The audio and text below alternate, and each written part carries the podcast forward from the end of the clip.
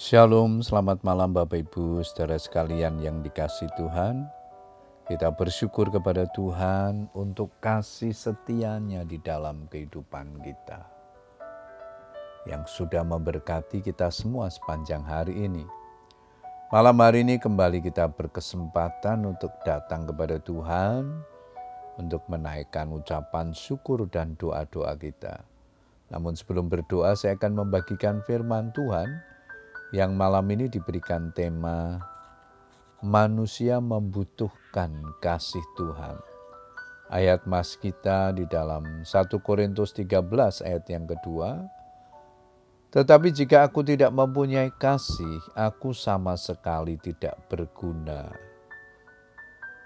Kasih adalah karakter utama yang harus dimiliki setiap orang percaya. Mengapa? Sebab kasih itu berasal dari Allah dan setiap orang yang mengasihi lahir dari Allah dan mengenal Allah. Barang siapa tidak mengasihi, ia tidak mengenal Allah, sebab Allah adalah kasih. 1 Yohanes 4 ayat yang ke-7 dan 8. Rasul Paulus menyatakan bahwa kasih lebih besar dari iman dan pengharapan, lebih mulia dari segala karunia Roh Kudus sebab kasih tidak berkesudahan, kekal selama-lamanya.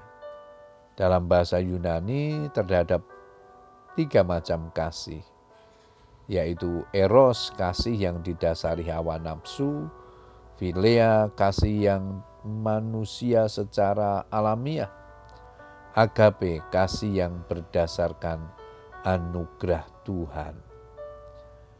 Dalam kehidupan sehari-hari, kasih manusia umumnya didasari kepentingan tertentu. Kalau ada udang di balik batu, ada keperluan, ada keuntungan, ada motivasi tertentu, barulah ada kasih. Kalau tidak ada kepentingan, kasih pun tidak ada. Dan jikalau kamu mengasihi orang yang mengasihi kamu, apakah jasamu? Karena orang-orang berdosa pun mengasihi juga orang-orang yang mengasihi mereka. Sebab jikalau kamu berbuat baik kepada orang yang berbuat baik kepada kamu, apakah jasamu? Orang-orang berdosa pun berbuat demikian.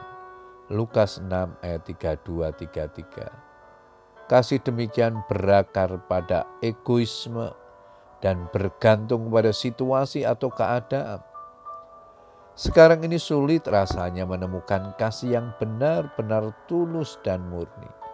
Sebab kasih kebanyakan orang sudah menjadi dingin, sehingga orang tidak lagi peduli dengan sesamanya, karena semua hanya berpusat pada diri sendiri. Sesungguhnya dari lubuk hati yang terdalam, semua manusia membutuhkan kasih. Tetapi bukan kasih eros atau filea yang berasal dari manusia berdosa. Yang dibutuhkan adalah kasih agape, yaitu kasih Tuhan yang sempurna, kasih yang tidak berdasarkan kepada kepentingan sendiri, tidak bergantung pada situasi atau keadaan yang berubah-ubah. Kasih Tuhan inilah yang tidak membedakan rupa, status, atau warna kulit untuk itulah Tuhan Yesus rela datang ke dalam dunia dan mati di kayu salib supaya kasih Allah dapat dinyatakan kepada kita dan dicurahkan di dalam hati kita. Kasih yang sejati hanya dapat ditemukan di dalam Tuhan Yesus. Puji Tuhan Bapak Ibu Saudara sekalian, biarlah kebenaran firman Tuhan ini menjadi berkat dalam kehidupan kita, memotivasi kita, mendorong kita untuk terus hidup di dalam kasih, baik dalam mengasihi Tuhan maupun mengasihi sesama kita. Selamat berdoa dengan keluarga kita. Tetap semangat berdoa. Tuhan Yesus memberkati. Amin.